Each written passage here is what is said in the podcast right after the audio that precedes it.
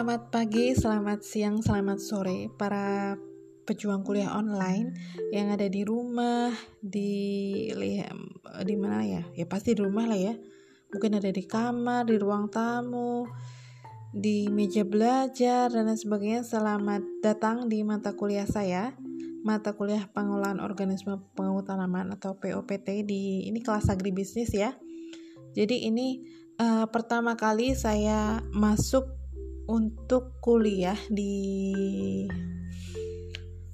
di kelas agribisnis. Nah, udah pertama kali masuk tapi kita nggak nggak ngelihat secara fisik ya. Kita langsung ketemu di dunia sosial, di dunia uh, virtual. Nah, nama saya Ibu Lutfi Afifah. Saya staf pengajar di agroteknologi departemen sebelah ya atau uh, jurusan tetangga kalian. Um, saya uh, mengajar di bidang entomologi atau di bidang ilmu-ilmu hama. Nah, nanti dalam kurang lebih lima pertemuan mendatang, kuliah POPT akan saya handle. Dan Oke, okay. Kalian pasti bertanya-tanya, aduh ini udah ada tugas nih dari Bu Lutfi. Belum juga kuliah udah dikasih tugas disuruh ngeresum ya. Ada kemudian juga ada pertanyaan yang harus dijawab. Tapi tenang saja, kalian tidak akan belajar sendiri. Kalian akan saya tuntun di sini untuk mengikuti kuliah ini. Walaupun kalian tidak bertemu langsung dengan saya, namun uh, saya pastikan kalian uh, mengikuti mengikuti apa ya? Mengikuti perkuliahan ini dengan baik dan benar. Dan jangan lupa dalam mata kuliah POPT ini ada beberapa uh, praktikum yang akan kalian jalankan, uh, yang akan kalian uh, lakukan, praktikum mandiri di rumah dan kalian akan dihandle oleh asisten nanti. Nah dari dari asisten tersebut atas dari itu apa namanya uh, atas dari instruksi saya. Jadi tidak usah berlama-lama lagi. Kita kita masuk ke materi yang pertama. Pasti pendahuluan ya. Pendahuluan mengenai hama dan bagaimana sejarah tentang penggunaan pestisida di dunia. Nah, sebelumnya kita break sejenak biar lebih semangat untuk mengikuti mata kuliah ini. Tarik nafas dalam-dalam. Lepaskan. Tarik nafas lagi. Lepaskan. Dan kita break sejenak dulu ya.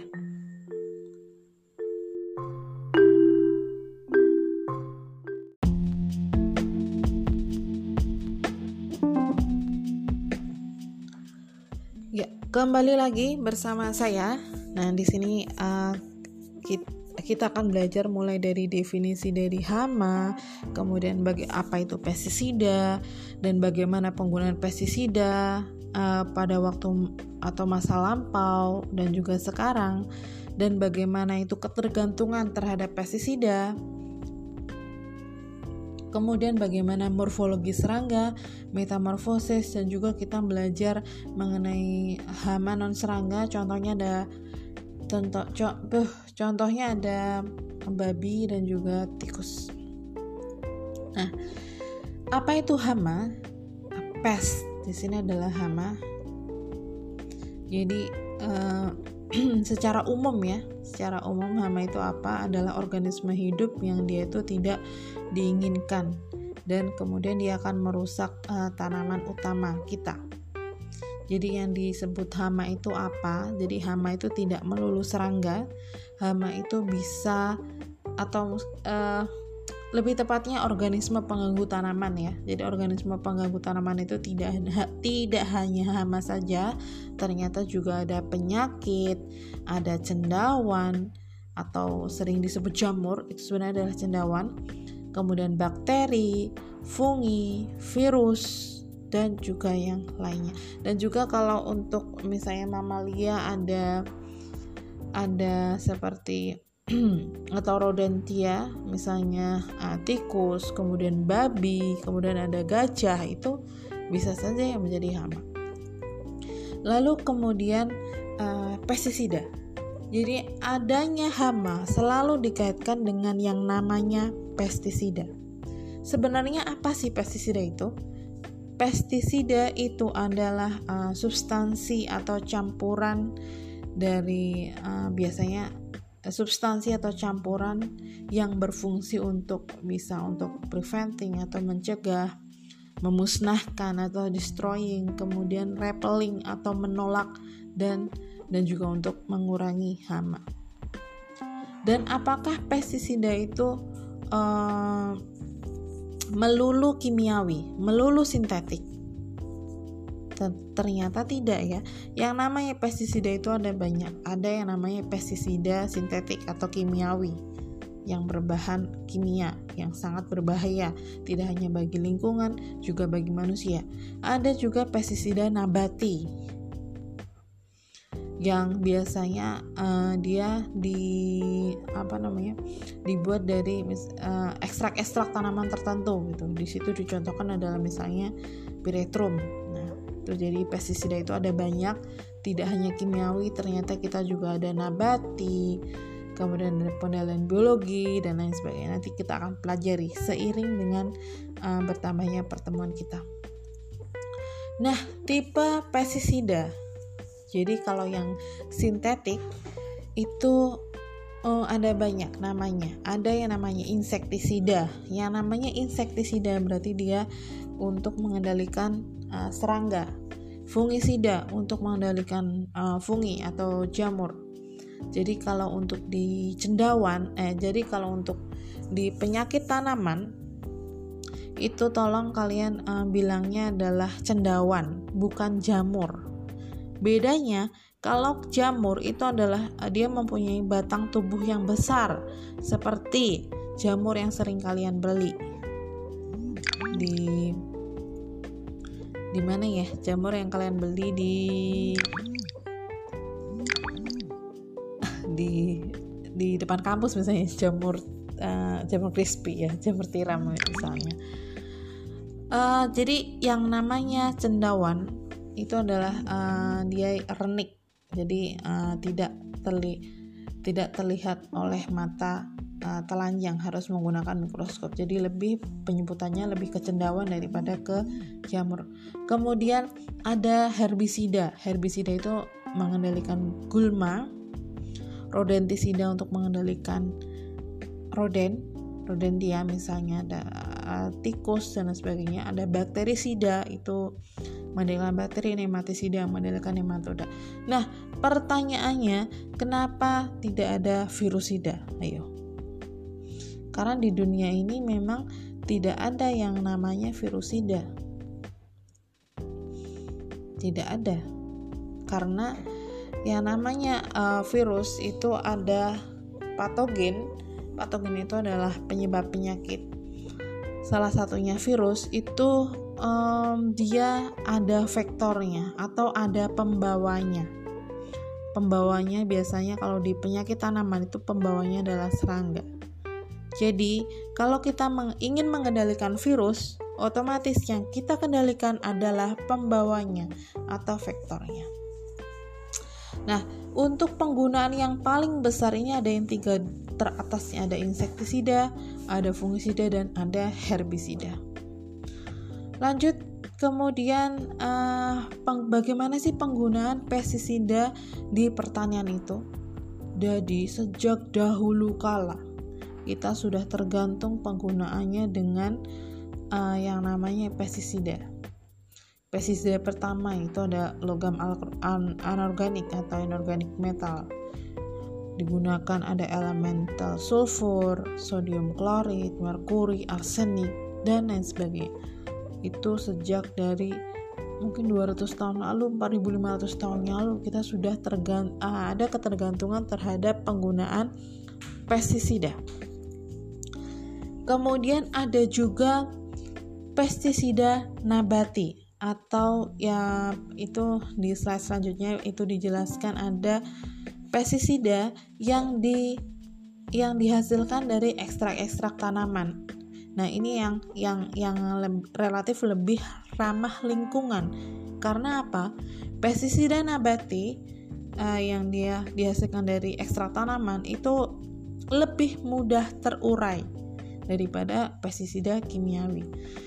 Pestisida nabati tersebut contohnya dari ada uh, ada piretrum, kemudian ada nim atau mimba, ada rotenon, citronella dan lain sebagainya.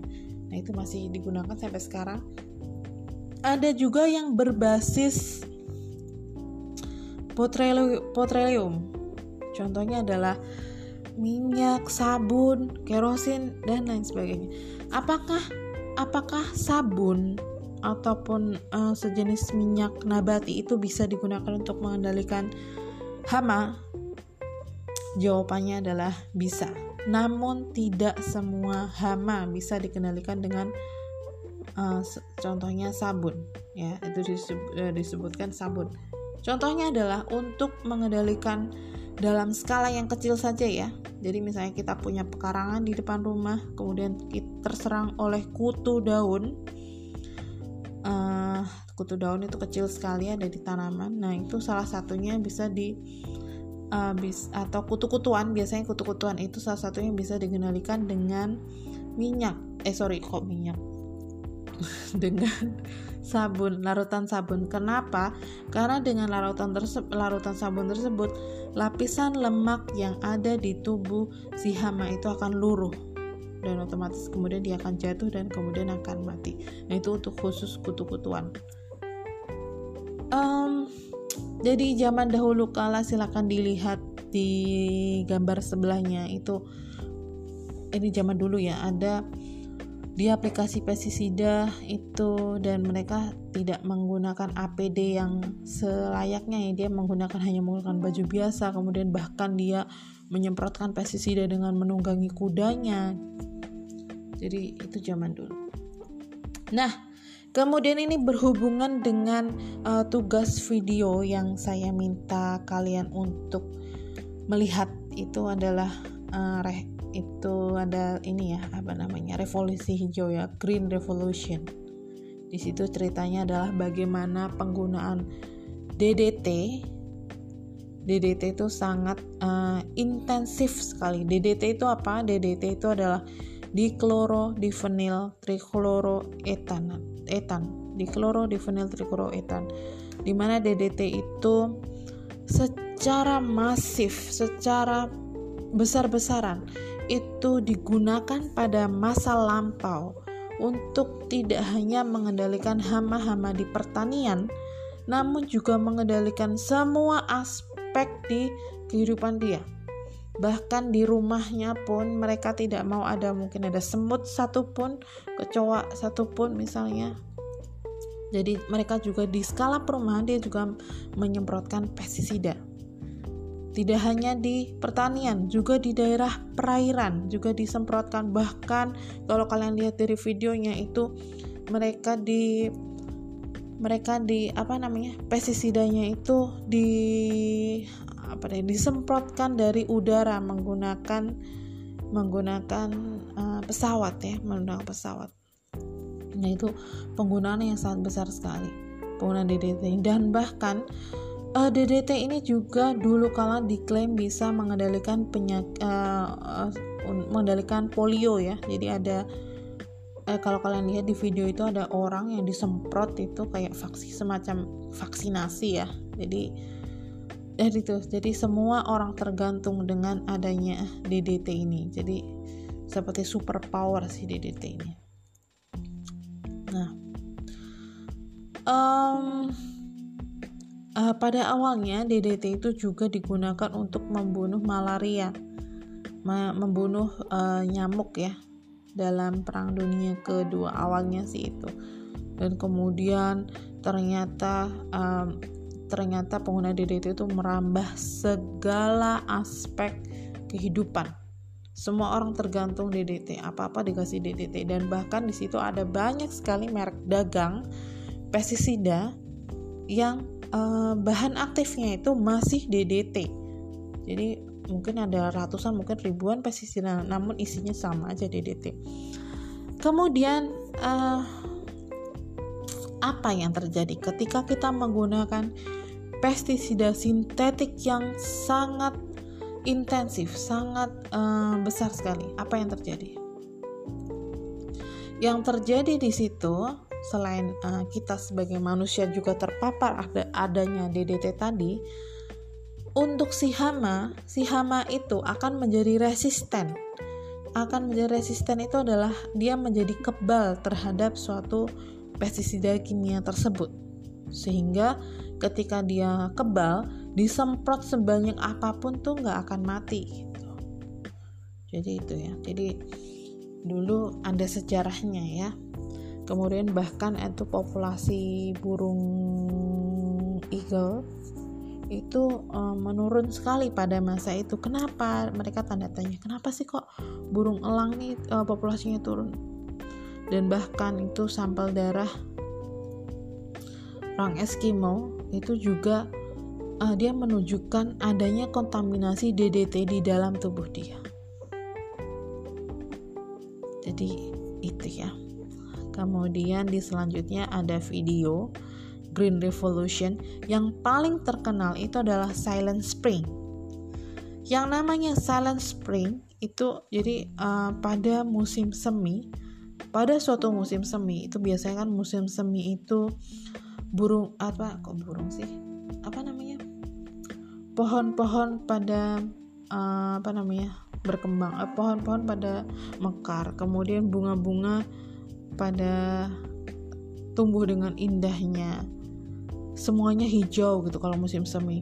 Dan burung pada berkicau dengan uh, cantiknya di pagi hari. Namun suatu ketika di musim semi tidak ada satupun burung yang berkicau pada masa itu dan mereka bertanya-tanya, apakah yang terjadi? Yang terjadi adalah semua burung, nah, jangankan burungnya semuanya mati. Jadi indikasinya adalah, uh, jadi historinya itu. Jadi burung pun sampai mati nggak ada yang berkicau satupun. Padahal ini musim semi loh. Gitu. Jadi uh, Silent Spring adalah suatu environmental science book Environmental Science Book, jadi buku sains tentang lingkungan yang dikarang oleh Rachel Carson. Nah, buku ini dipublikasikan tahun 1962 dan itu dia mendokumentasikan bagaimana pengaruh dari penggunaan DDT ini, pengaruh buruk penggunaan DDT terhadap lingkungan. Oke, lanjut. Uh, sebelum kita lanjut, uh, izinkan saya untuk istirahat sejenak. Kita uh, balik lagi setelah pariwara berikut ini.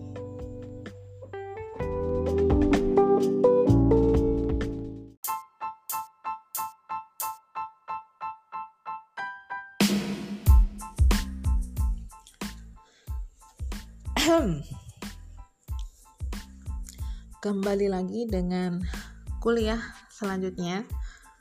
Jadi yang namanya uh, pesti pes pes buh. Yang namanya pestisida sintetik itu pasti akan berpengaruh buruk ya di tidak hanya di lingkungan juga segala aspek dalam kehidupan. Dan yang perlu kalian ketahui bahwa kalau dalam konsep pengendalian hama terpadu atau PHT yang namanya penggunaan pestisida sintetik itu e, merupakan langkah paling akhir dalam pengendalian. Jadi pengendalian itu ada banyak ya, mulai dari pengendalian secara kultur teknis, kultur mekanis, kemudian ada pengendalian biologis bisa menggunakan predator, parasitoid, eh, penggunaan mulsa, varietas tahan dan lain sebagainya. Dan kemudian ada yang pengendalian ada pengendalian sintetik. Yaitu yang harus diingat adalah pengendalian sintetik itu adalah alternatif paling akhir di pertanian dalam uh, pengendalian hama Uh, pasti saya yakin uh, kalian pernah suatu ketika ditanya oleh mungkin oleh saudara kalian atau tetangga kalian atau siapa pun itu mentang-mentang kalian dari anak pertanian kemudian uh, pernah nggak sih kalian ditanya ini sawah saya ini ken, uh, kena ini nih obatnya apa nih? Gitu. Saya yakin pernah ya sebagai um, mahasiswa pertanian pasti ada pertanyaan seperti itu. Jadi uh, kondisi saat ini di petani itu juga masih sangat tergantung oleh penggunaan pestisida sintetik ini nah uh, ketergantungan pestisida itu menimbulkan yang namanya resistensi hama sebenarnya tidak hanya resistensi hama ya ada resisten uh, penyakit dan lain sebagainya ya. Jadi si hama tersebut semakin semakin kita menyemprotkan pestisida sintetik semakin banyak, maka dia juga tubuhnya di situ akan uh, mungkin akan ini ya berevolusi ya di situ menjadi sesuatu yang lebih tahan lagi, sesuatu yang lebih kebal lagi. Kemudian ada di situ bioakumulasi yaitu ketika Senyawa kimia itu terakumulasi di jaringan lemak hewan ya. Nah, di jaringan lemak. Di, uh, contohnya adalah lemak uh, hewan bisa manusia dan sebagainya. Jadi uh, akumulasi pestisida kimiawi dalam jaringan lemak. Kemudian ada biomagnifikasi yaitu ketika uh, ada ak resi ada akumulasi residu uh, pada organisme dengan konsentrasi yang lebih tinggi daripada yang dia konsumsi. Akumulasi uh, residu dengan konsentrasi yang lebih tinggi daripada yang mereka konsumsi. Sebagai contoh bisa dilihat di slide selanjutnya. Ada di situ ada uh, yang paling bawah ada water, ada air di situ ada uh, apa namanya DDT-nya kontaminasinya ada satu di situ kemudian ketika fitoplankton ini adalah ini ya ini adalah uh, piramida makanan. Jadi yang paling bawah itu adalah sumber makanan kemudian yang paling atas itu adalah uh, top predator ya atau predator paling tinggi. Yang pertama adalah air di situ yang paling bawah. Fitoplankton itu memakan dari uh, dia mendapatkan makanan dari sini ada di perairan itu mungkin ada renik-renik kecil di situ kan ada banyak. Ketika si fitoplankton tersebut makan renik-renik kecil tersebut di dalam air kemudian konsentrasi DDT-nya meningkat jadi 10 pangkat 4 kemudian fitoplankton e, itu akan dimakan oleh zooplankton. Nah zooplankton ini jadi ada peningkatan DDT 10 pangkat 5 kemudian ikan kecil jadi zooplankton dimakan ikan kecil menjadi 10 pangkat 6. Kemudian yang top 10 pangkat 7. Nah ini dari semakin uh, setiap tingkat trofik dari uh, tingkat trofik dari makanan uh, rantai makanan tersebut itu terjadi peningkatan atau bio bioakumulasi dari uh, konsentrasi DDT. Nah ini ya uh, contoh kasus dari bioakumulasi dan biomagnifikasi. Dan uh, sekarang apa yang kita punya? Yang kita punya selain juga dari penggunaan pestisida kimiawi juga dari plant extract atau dari ekstrak-ekstrak tanaman. Kita ketahui kita punya banyak sekali tanaman yang berpotensi menjadi pestisida nabati. Ada mimba, ada ada serai dan ada tanaman lainnya. Dan juga ada di situ disebutkan ada next generation insecticide, ada kita uh, menggunakan uh, mikroorganisme untuk mengendalikan hama. Kita bisa menggunakan bakteri, fungi, virus, dan lain-lain sebagainya. Dan kalau untuk saat ini ada banyak sekali bahan aktif dari pestisida kimiawi. Jadi kalau kalian ditanya, misalnya petani uh, atau siapa lah ya, Uh, jadi yang disebutkan ada banyak merek ya, ada banyak merek pestisida.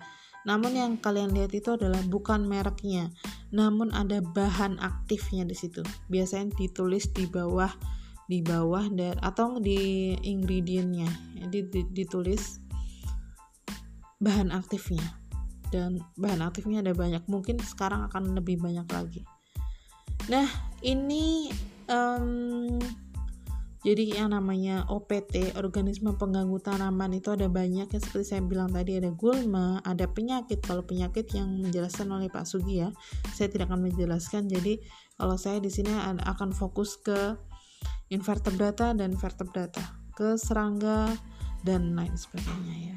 Jadi yang saya kotakin nah itu yang saya akan terangkan. Lalu sebelum kita mengendalikan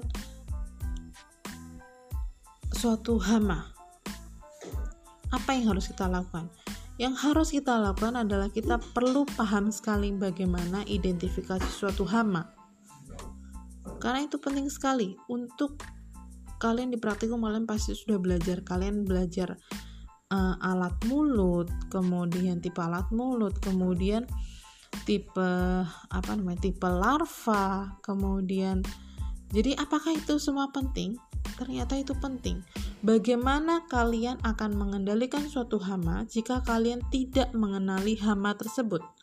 Kalian tidak tahu misalnya tipe alat mulutnya. Kalian tidak tahu apa namanya? Kalian tidak tahu misalnya uh, tipe larvanya. Bagaimana uh, kalian tidak tahu di mana habitatnya? Di mana di mana uh, apa namanya di mana dia tinggal, di mana dia makan, kesukaannya apa atau bioekologinya bagaimana. Itu sangat mustahil sekali kalau kita akan merekomendasikan suatu pengendalian tanpa kita kenal siapa yang akan kita kendalikan. Oleh karena itu, yang penting di sini adalah tahap pertama kita harus tahu identifikasi suatu hama. Ya. Jadi ada banyak yang bisa kita gunakan, ada mulai dari buku, dari uh, buletin penyuluhan dari, dari website dan aplikasi mungkin ya ada ada banyak sekarang jadi banyak sekali. Nah ini ada entomologi entomologi itu adalah ilmu yang mempelajari tentang serangga. Uh, dan um, kalian sudah di praktikum sudah belajar ya serangga itu apa saja dan kalau kalian lihat di pie chart yang ada di gambar ternyata organisme itu ada banyak sekali. Dan yang uh, mendominasi adalah serangga. Jadi serangga tidak akan ada habisnya. Uh, tungkai serangga ada berapa? Kalian pasti sudah tahu di situ ada gambar semut semut itu yang paling depan itu bukan tungkai melainkan itu adalah antena. Jadi tungkainya adalah tiga pasang. Karakteristiknya kalian sudah pelajari di praktikum. Ada kepala, toraks, abdomen ada sepasang antena kemudian tungkai tiga pasang kemudian uh, ada yang punya satu 1 sampai 2 pasang sayap. Jadi apakah ada yang punya satu pasang sayap? Ada. Uh, contohnya adalah uh, apa namanya? Contohnya ada di diptera. Diptera itu di lalat-lalatan. Itu yang sayap belakang itu bukan dinamakan sayap tapi ada yang namanya halter. Nah, itu. Kepala, toraks, abdomen kalian sudah sangat paham. Dan oke. Okay. Dan yang namanya uh, yang namanya tungkai itu yang ada enam tadi atau tiga pasang mereka selalu melekat di toraks toraks ya ingat ya di toraks bukan di abdomen bukan di kepala jadi adanya tungkai itu ada di toraks. Antena uh, biasanya di kepala satu pasang. Dia fungsinya ada sebagai sensori untuk me salah satunya adalah untuk membawi dan namanya fillers. Dan ada banyak sekali tipe-tipe antena. Ada aristat, ada lamelat, ada serat, ada flabelat, moniliform dan lain sebagainya. Kalau alat uh, alat dari alat apa namanya? Alat antena sorry. Untuk antena itu kalau misalnya antena pada nyamuk itu adalah banyak yang plumus. Nah jadi antena itu bervariasi antena itu beraneka ragam. Sayap atau tanpa sayap jadi serangga itu memang ada yang bersayap ada yang tidak bersayap yang biasanya pada umumnya punya dua pasang. Forewing itu adalah sayap depan dan hindwing itu adalah sayap belakang dan beberapa ada banyak yang wingless. Itu berarti tidak bersayap. Contohnya ada kutu-kutuan uh, kemudian ada rayap ada semut. Nah, karena ada semut yang bersayap. Jangan salah ya semut juga ada yang bersayap. Kemudian ada ada yang uh, kupu-kupu. Coba kalau kalian lihat kalau diperbesar itu kupu-kupu itu adalah sisik. Seperti ini ya seperti yang sisik-sisik kecil gitu. Kalau diperbesar. Kemudian nah ini yang saya jelaskan tadi. Ada diptera. Jadi dia punya dua pasang sayap namun yang sayap belakang itu dinamakan halter fungsinya apa dia halter itu seperti di gambar yang sebelah kanan halter itu kecil jadi tidak seperti saya pada umumnya dia kecil fungsinya adalah untuk keseimbangan.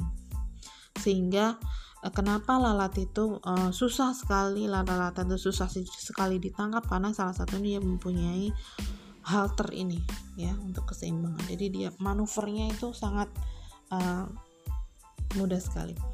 Kemudian ada uh, sayap kumbang. Jadi yang sayap depan itu disebut dengan elytra atau mengeras ya elitra sayap depan pada kumbang atau pada Ordocoleptera itu disebut dengan elitra. Kemudian sayap belakangnya membran, dia dilipat ya. Kemudian di situ kalian sudah tahu itu hanya kuis saja, manakah yang manakah yang serangga, apakah apakah laba-laba itu serangga Tentu bukan. Hayo, laba-laba itu apa? Ingat ya, laba-laba bukan serangga ya. Dia adalah arah nida. Lanjut apa makanan dari bagaimana uh, serangga itu makan? Di situ ada contohnya ada kupu-kupu. Yang pasti yang namanya kupu-kupu Ya, kupu-kupu dewasa itu uh, alat mulutnya sangat berbeda sekali dengan ulat atau sangat berbeda sekali dengan fase larvanya. Sangat berbeda sekali dengan uh, alat mulut nyamuk.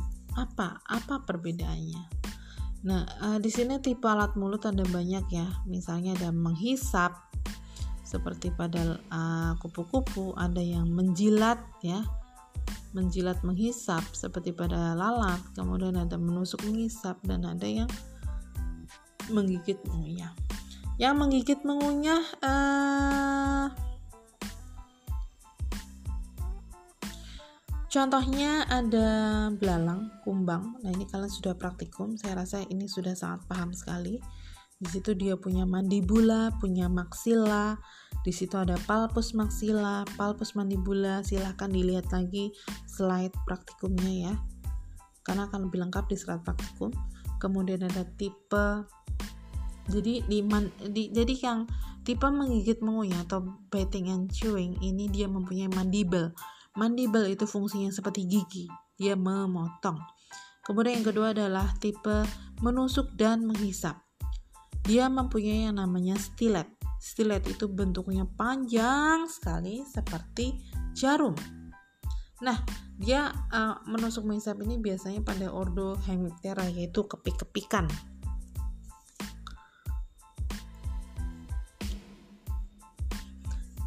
Dan uh, kepik-kepikan ini nah ini ya, ada yang namanya kepik itu fitofag, ada yang dia predator yang predator bisa dilihat yang digambar itu ya yang gambar mana ya nah itu yang ada gambar kumbang tuh yang warnanya agak oranye hitam Nah, itu dia uh, predator. Bedanya apa dengan yang fitofag atau bedanya apa dengan yang kepik yang hama? Bedanya kalau yang predator dia mempunyai stilet yang pendek dan kokoh. Kan fungsinya untuk uh, menusuk dan menghisap misalnya ulat ya. Jadi beda kalau dia menus uh, menusuk menghisap tanaman. Kalau yang menusuk menghisap tanaman itu stiletnya lebih panjang lagi. Kalau yang uh, dia sebagai predator kokoh dan pendek. Oke, kita lanjut lagi. Uh, kita iklan dulu. Kita break sejenak. Silahkan kalau ada yang mau ke toilet, ada yang mau minum, ada yang mau uh, rebahan dulu, mangga. Kita sambung setelah yang satu ini.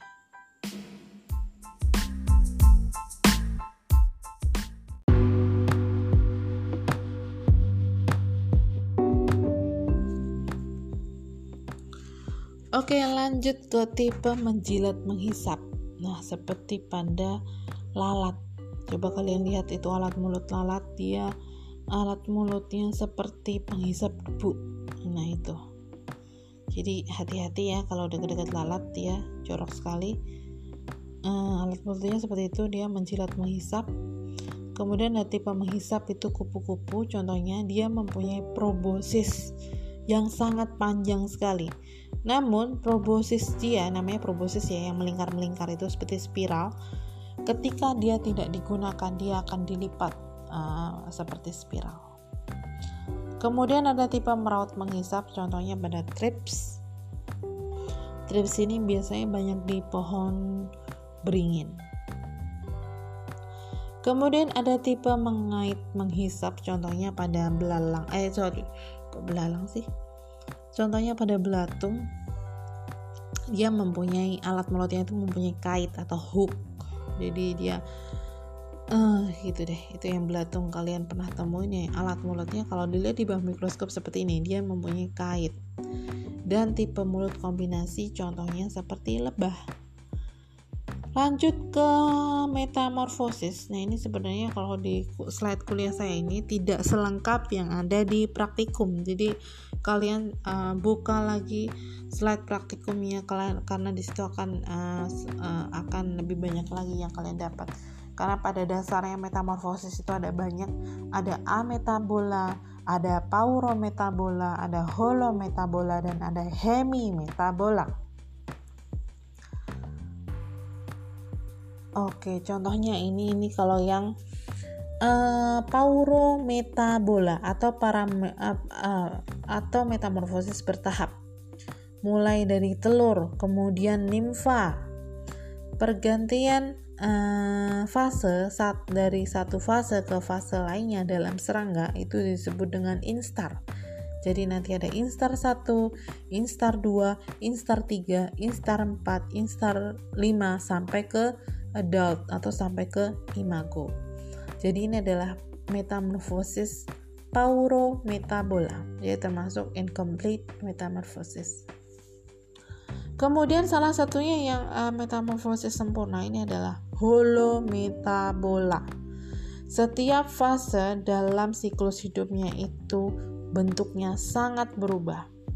Metamorfosis holometabola contohnya pada kupu-kupu misalnya ya mulai dari telur larva atau ulat kemudian pupa dan imago. Begitu juga ini contohnya yang disebut adalah metamorfosis dari kumbang bagaimana sih kumbang itu bisa jadi kumbang dewasa ya asalnya dari telur kemudian dari larva seperti ini kemudian dari pupa dan imago dan bentuknya kalian lihat sangat berbeda sekali kan ya mulai dari telur larva pupa dan imago dan di sini fase istirahat atau fase yang tidak makan adalah fase pupa.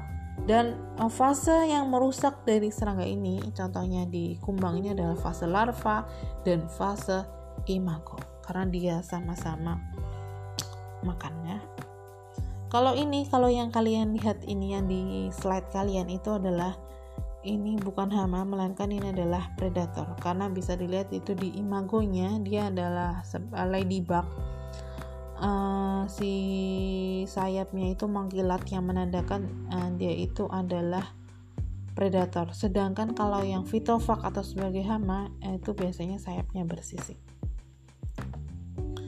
Lanjut kita di penghujung mata kuliah ini ada babi, ada tikus. Nah, oke. Okay.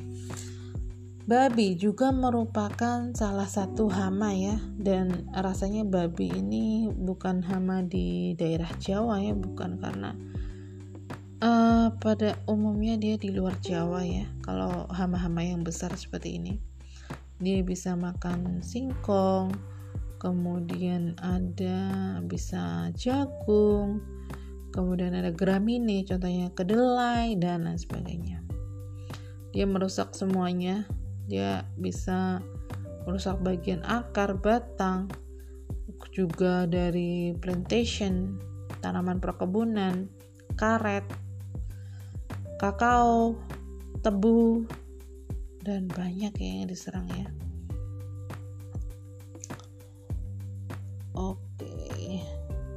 Lanjut ke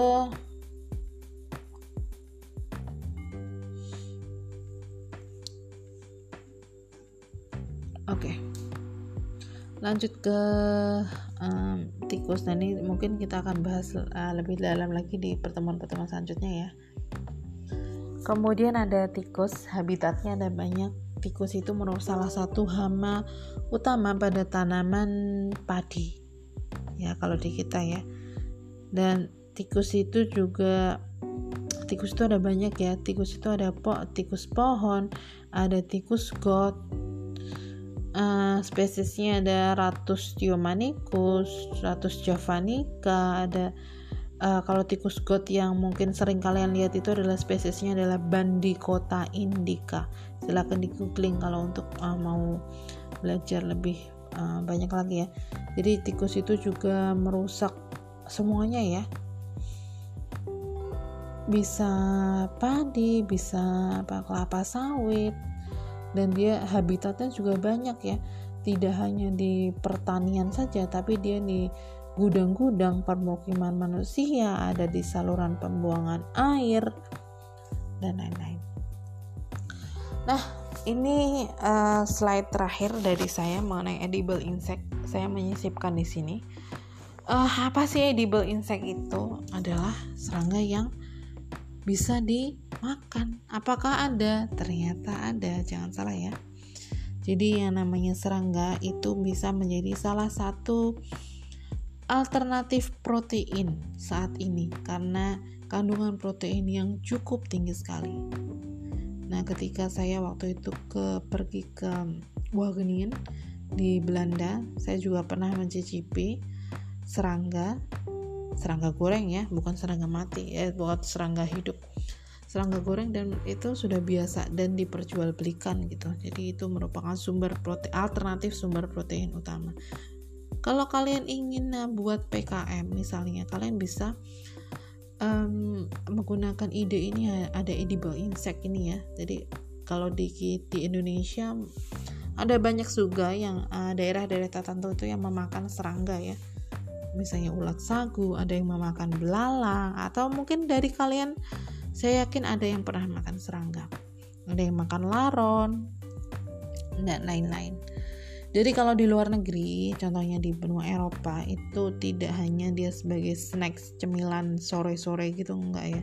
Jadi ada yang uh, dimakan seperti burger, kemudian dimasukin ke pasta dan sebagainya. Nah, gitu. Dan uh, istilahnya di sini ada disebutkan ada entomofagi. Jadi uh, budaya dan juga proses uh, dari memakan serangga oleh manusia. Itu disebut dengan entomophagy. Ini contoh-contohnya. Ini ada tak tako. Itu ada serangganya ada belalang menarik ya kalau di kita buru-buru yang makan serangga ya um, disebutkan di situ ada snack food of the future bugs. Jadi sudah banyak yang melirik uh, serangga ini sebagai cemilan atau sebagai snacks. dan uh, dan ini persentase serangga apa saja uh, serangga apa saja sih yang sering dimakan? Ternyata yang paling banyak itu adalah golongan dari kumbang ya. Tentunya biasanya sih bukan fase imagonya tapi fase larva yang dimakan dari kumbang jadi ulatnya yang dimakan. Kemudian ada lepidoptera. Lepidoptera itu ulat dan golongan lebah itu yang paling tinggi. Yang lainnya sangat sedikit um, apakah lezat kira-kira? Silakan dilihat gambarnya itu kelihatannya entah menarik atau menjijikan ya. Silakan dinilai sendiri. Dan kemudian ada take home assignment silahkan dikerjakan sebelum deadline yang ditentukan. Dan kalau ada pertanyaan silahkan komentar di Google Classroom uh, sebisa mungkin saya akan menjawabnya dan saya akan uh, bahas di pertemuan mendatang di podcast-podcast yang mendatang. Oke, okay. sekian dari saya. Tetap semangat para pejuang kuliah online. Kalian di rumah tetap belajar, tetap sehat, tetap fit, dan tetap bahagia. Oke, sekian dari saya. Sampai jumpa minggu depan. Dan wassalamualaikum warahmatullahi wabarakatuh.